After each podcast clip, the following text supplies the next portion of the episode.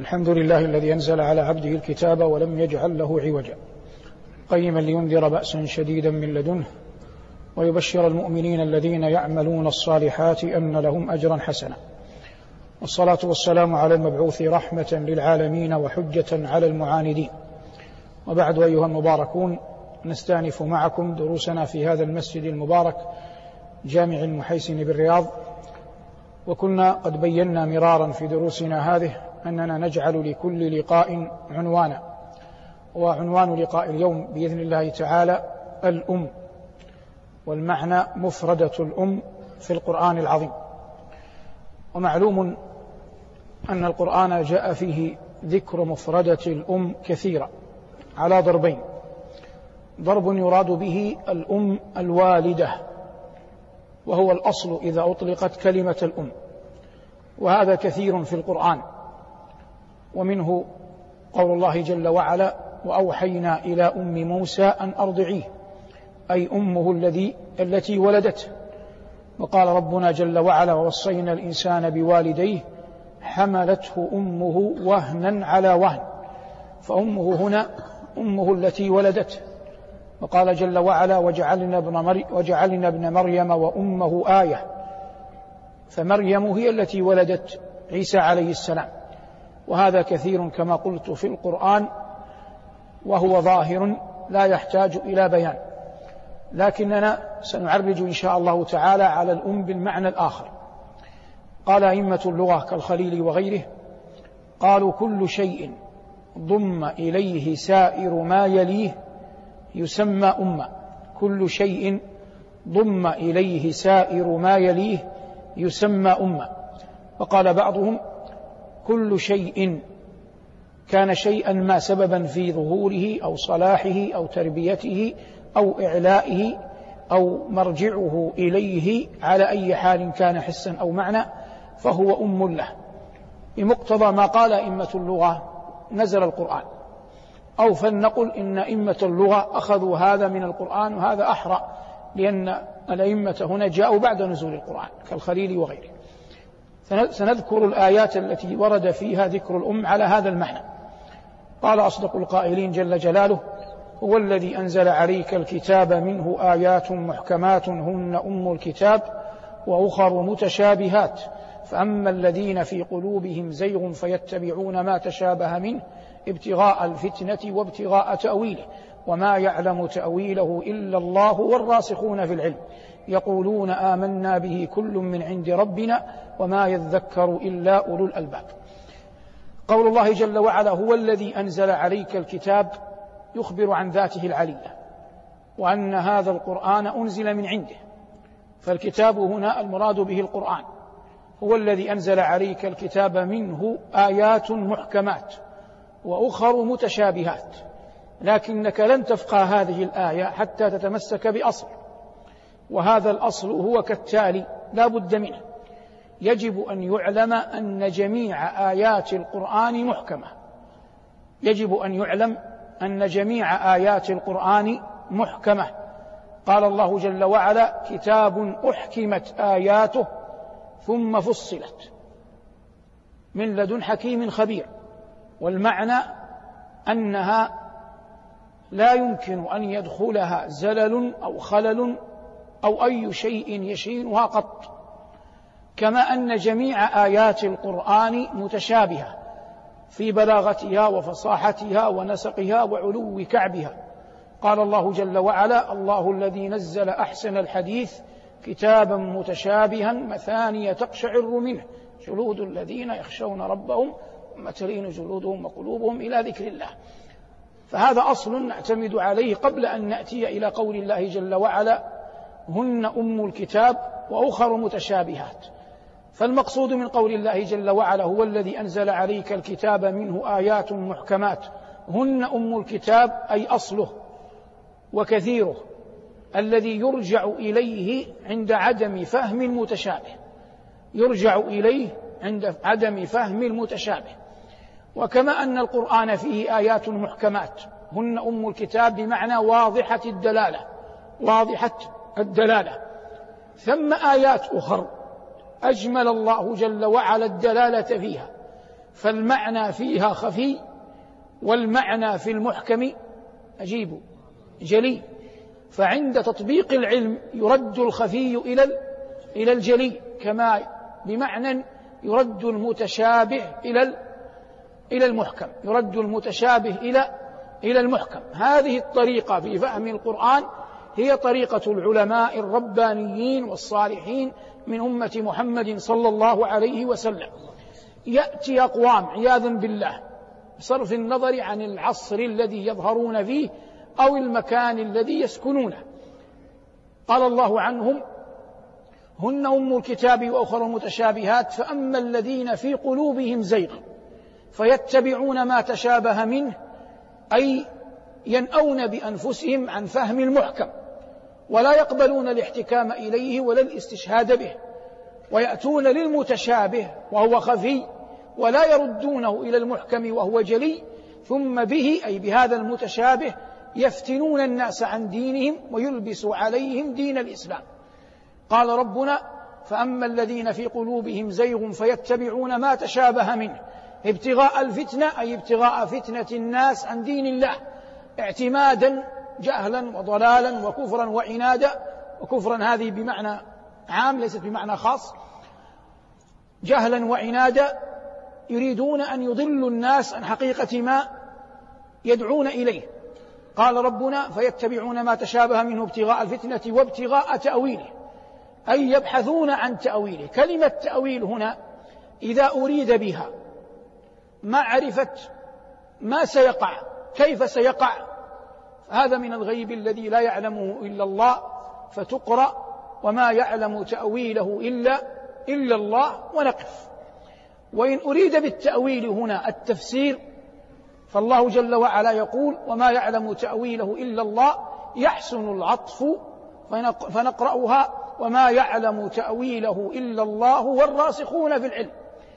وما يعلم تأويله إلا الله والراسخون في العلم. ويحسن أن نجعل من قول ربنا والراسخون في العلم مقابل للذين في قلوبهم للذين في قلوبهم زيغ. فإذا كان الذين في قلوبهم زيغ لا يردون المتشابه إلى المحكم ولا يردون الخفي إلى الجلي فإن الراسخين في العلم يردون المتشابه المتشابه إلى المحكم والخفي إلى الجلي. وهذا ظاهر جدا في أن هذا هو الطريق الأمثل في فهم كلام الله تبارك وتعالى. والراسخون في العلم يقولون آمنا به كل من من عند ربنا محكمه ومتشابهه كل من عند ربنا محكمه ومتشابهه فيصبح المعنى أن أهل الزيغ بتعاملهم مع المتشابه وتركهم للمحكم كأنهم لا يؤمنون أن المحكم من عند من عند الله. ويصبح على تفسيرنا هذا يصبح معنى والراسخون في العلم يقولون آمنا به. كل من عند ربنا. المعنى أنهم لما علموا أن المحكم من الله والمتشابه من الله ردوا المتشابه إلى المحكم باعتبار أنهم ردوا كلام الله إلى من؟ إلى كلام إلى كلام الله. قال ربنا والراسخون في العلم يقولون آمنا به كل من عند ربنا وما يذكر إلا أولو الألباب. وهذه منزلة عالية وموئل شريف يؤتيه الله جل وعلا من يشاء من عباده. من الذين ظهروا في الأمة مما في قلوبهم زيغ الذين خرجوا على أمير المؤمنين علي بن أبي طالب رضي الله تعالى عنه وأرضاه. وسنضرب مثلا كيف ردوا لم يقبلوا أن يردوا المتشابه إلى المحكم. ذلك أن علي رضي الله تعالى عنه وأرضاه وقعت بينه وبين أهل الشام قتال. ثم إن أهل الشام دعوه إلى الاحتكام. فقبل رضي الله تعالى عنه وأرضاه أن يختار حكمان يحكمان بين الناس بين أهل الشام وأهل العراق. من ثلة من الذين معه طائفة من الذين معه لم يقبلوا أن يقبل علي بالتحكيم. وقالوا له إن قبلت التحكيم كفرت. إن قبلت التحكيم كفرت. من الذي سيحكم رجلان؟ أختير رجل من العراق ورجل من الشام عمرو بن العاص وأبو موسى الأشعري رضوان الله تعالى عليهما. هؤلاء قالوا أنت بهذا عارضت القرآن. أين عارضت القرآن؟ قالوا الله يقول إن الحكم إلا إلا لله وأنت حكمت الرجال. الله يقول إن الحكم إلا لله وأنت حكمت الرجال وهذا من المتشابه الذي لم يفقهوه. الله جل وعلا نعم الحكم إليه لكن الله حكم أنه في الصلح بين المسلمين يمكن, يمكن أن يؤتى باثنين أو أكثر أو أربعة أو عشرة يصلحون بين الناس. والله جل وعلا قال في الزوج والزوجة حكما من أهله وحكما من أهلها وهو بيت. فكيف بطائفتين عظيمتين من المسلمين تسيل دماؤهم أولى أن يحكم بينهما. لكنهم قالوا إنك إذا حكمت الرجال معنى ذلك أنك تركت حكم الله. فأقاموا الكفر على علي رضي الله عنه كفروه بمقتضى هذه الآية. فلجأوا للمتشابه وتركوا وتركوا المحكم. والله يقول في الصيد قال يحكم به ذوى عدل منكم. هذا في الصيد. فكيف في دماء المسلمين؟ لكنهم بقوا على عنتهم هذا حتى حاربوه ثم كانوا سببا في قتله واستشهاده رضوان الله تعالى عليه. لكن هذه قضية تبين بجلاء كيف أن البعض عياذا بالله يلجأ للمتشابه ويترك ويترك المحكم. هذه آية. هذا معنى قول الله جل وعلا هن أم الكتاب أي أي ماذا؟ أصله الذي يعود إليه. ومن هنا سميت الفاتحة بأم الكتاب لأن القرآن كله تعود مقاصده لمقاصد سورة الفاتحة لأن القرآن كله تعود مقاصده لأي شيء لمقاصد سورة لسورة الفاتحة. فلما جمعت سورة الفاتحة مقاصد القرآن كله سميت سميت أم الكتاب سميت أم الكتاب. الآيات الآية الثالثة أو المعنى الثالث قال الله تبارك وتعالى وإنه في أم الكتاب لدينا لعلي حكيم. وقال جل, جل وعلا يمحو الله ما يشاء ويثبت وعنده أم الكتاب. أم الكتاب هنا يعني أصله. والمراد به اللوح المحفوظ. والمراد به اللوح المحفوظ وما في اللوح المحفوظ. لا يتبدل ولا يتغير البتة. ما كتب في اللوح المحفوظ لا يتغير ولا يتبدل البتة. أما قول الله وإنه أي القرآن في أم الكتاب لدينا لعلي حكيم لعلي أي ذو علو وشرف ومنزلة عالية. حكيم أي متضمن لل للحكمة وهذان وصفان عظيمان للقرآن من ربنا جل وعلا. أما قول الله جل وعلا يمحو الله ما يشاء ويثبت وعنده أم الكتاب. فالمعنى المحو معروف الإزالة. ويثبت أي يبقي. ومعلوم قطعا أن الله جل وعلا خلق الأسباب ومسبباتها وأن الله كتب أن بعض الأعمال الصالحة تجعل بركة في الرزق وبركة في العمر وبعض المعاصي تمحق البركة في الرزق وتمحق البركة في في العمر. فيأتي العبد فيأتي عملا صالحا فينسأ له في أجله ويبارك له في رزقه. فيبدل يمحى أي كتاب؟ الكتاب الذي بيد الملائكة. الكتاب الذي بيد الملائكة. ويأتي إنسان عياذ بالله يكون منه معاصي وقطيعة رحم فتمحق بركة رزقه وبركة عمره. فيبدل في الكتاب الذي بيد من؟ بيد الملك. بعد أن يبدل الكتاب الذي في يد الملك يصبح هذا الكتاب يوافق أي كتاب؟ يوافق ما كتب في اللوح في اللوح المحفوظ. فاللوح المحفوظ هو هو الأصل.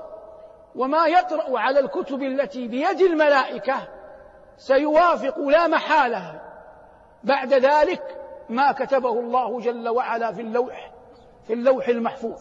فالذي يمحى أو يثبت الكتب التي بيد الملائكة أما اللوح المحفوظ فقد قال ربنا عنه وعندنا أم الكتاب الذي يصبح كل كتاب بعد الفراغ منه صائرا موافقا إلى ما في اللوح المحفوظ. مما يقال كقضية تاريخية في مثل هذا. يمحو الله ما يشاء ويثبت وعنده أم الكتاب. أن البرامكة لما غضب عليهم هارون الرشيد وأراد أن يقتلهم وبدأ بقتل جعفر بن يحيى بن خالد. وكان يحيى بن خالد أبوه يعني أبو جعفر قبل أن يأمر الرشيد بقتل ابنه في سفر مع سهل بن هارون أحد الوزراء أو أحد الكتاب. فغفى يحيى بن خالد غفو غفوة. ثم قام فزعا فقال له سهل ما ذاك أيها الوزير؟ قال والله لقد ذهبت دولتنا وزال ملكنا وتغير حالنا فإنني رأيت أن مناد يناد كأن لم يكن بين الحجون إلى الصفا أنيس ولم يسمر بمكة سامر فقال يحيى فأجبته من غير روية ولا إجالة خاطر. فأجبته من غير روية ولا إجالة خاطر بلى. نحن كنا أهلها فأبادنا صروف الليالي والجدود العواثر. قال سهل فرأيتها في وجهي ثلاثة أيام. بعد ثلاثة أيام قتلهم الرشيد. الذي يعنينا من الخبر أن الرشيد جاءته أم جعفر بن يحيى قبل أن يقتله. تريد أن تستعطفه أن لا يقتل ابنها. وجرت بينهما محاورة طويلة. فكانت تسترضيه تسترحمه وهي أمه رضاعة ضئره. فقال لها يا أم الرشيد هذا قضاء قد سبق وقدر قد حم. قالت يا أمير المؤمنين إن الله يقول يمحو الله ما يشاء ويثبت وعنده أم الكتاب تقصد لا يضيرك وأنت أمير المؤمنين أنك أمرت بقتله ألا يقتل فإن الله يقول وهو الله يمحو الله ما يشاء ويثبت وعنده أم الكتاب فقال لها هذا يا أم الرشيد مما أثبته الله حتى يحتج ماذا؟ عليها. هذا يا أم الرشيد مما أثبته الله. فقالت له يا أمير المؤمنين إن الغيب محجوب عن النبيين فكيف عنك يا أمير المؤمنين؟ فأطرق مليا ثم قال وإذا المنية أنشبت أظفارها ألفيت كل تميمة لا تنفع. وما زال الحوار بينهما طويلا لا يعنينا في مقام في مسجد كهذا لكن نأخذ منه ما نحتاج إليه. أنها قالت له يمحو الله ما يشاء ويثبت. تريد أن تبين أن هذا لا يعيبه. لكنه جعل هذا الدليل لها حجة حجة عليها وقد غلبته بقولها. إن الغيب محجوب عن النبيين فكيف عنك يا أمير المؤمنين؟ لكنه قدر الله ثم قتله بعد ذلك. المقصود من قول الله يمحو الله ما يشاء ويثبت وعنده أم الكتاب. بقيت آية أخرى. قال الله جل وعلا وكذلك أوحينا إليك قرآنا عربيا لتنذر أم القرى ومن حولها. وتنذر يوم الجمع لا ريب فيه. أم القرى هي مكة بالاتفاق. لكن معنى الآية واحد من اثنين. إما أن يقال أنها أم لجميع القرى ويصبح المعنى أنها سميت بأم القرى لأن الأرض دحيت من تحتها. لأن الأرض دحيت من تحتها. هذا قول. القول الآخر المقصود أم القرى أي أصل مدائن الحجاز ولا علاقة لها بالقرى الأخرى. لكن هذا القول لا يعني أن النبي عليه الصلاة والسلام بعث لأهل مكة خاصة بدليل قول الله جل وعلا وما أرسلناك إلا كافة للناس بشيرا ونذيرا. وما أرسلناك إلا كافة للناس بشيرا ونذيرا. ومن القواعد العامة أن الفعل إذا كانت له علة باعثة فإن هذه العلة لا تعني التخصيص. إن الفعل اكتب. إذا كان له علة إذا كان له علة باعثة فإن هذه العلة لا تعني التخصيص. ذكرها لا يعني التخصيص. فقد يكون هناك علل أخرى لم تذكر في سياق الحديث بدليل أن الله قال وكذلك أوحينا إليك قرآنا عربيا لتنذر مع أن النبي صلى الله عليه وسلم ليس نذيرا فقط نذير و وبشير نذير وبشير. فذكر إحدى العلل لا يعني أنه متوقف عليها. هذا والعلم عند الله وصلى الله على محمد وآله والحمد لله رب العالمين.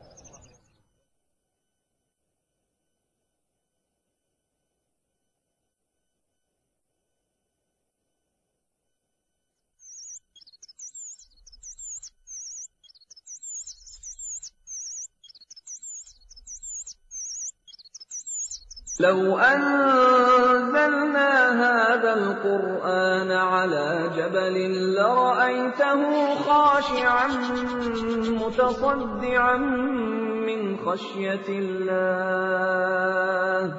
وتلك الأمثال نضربها للناس لعلهم يتفكرون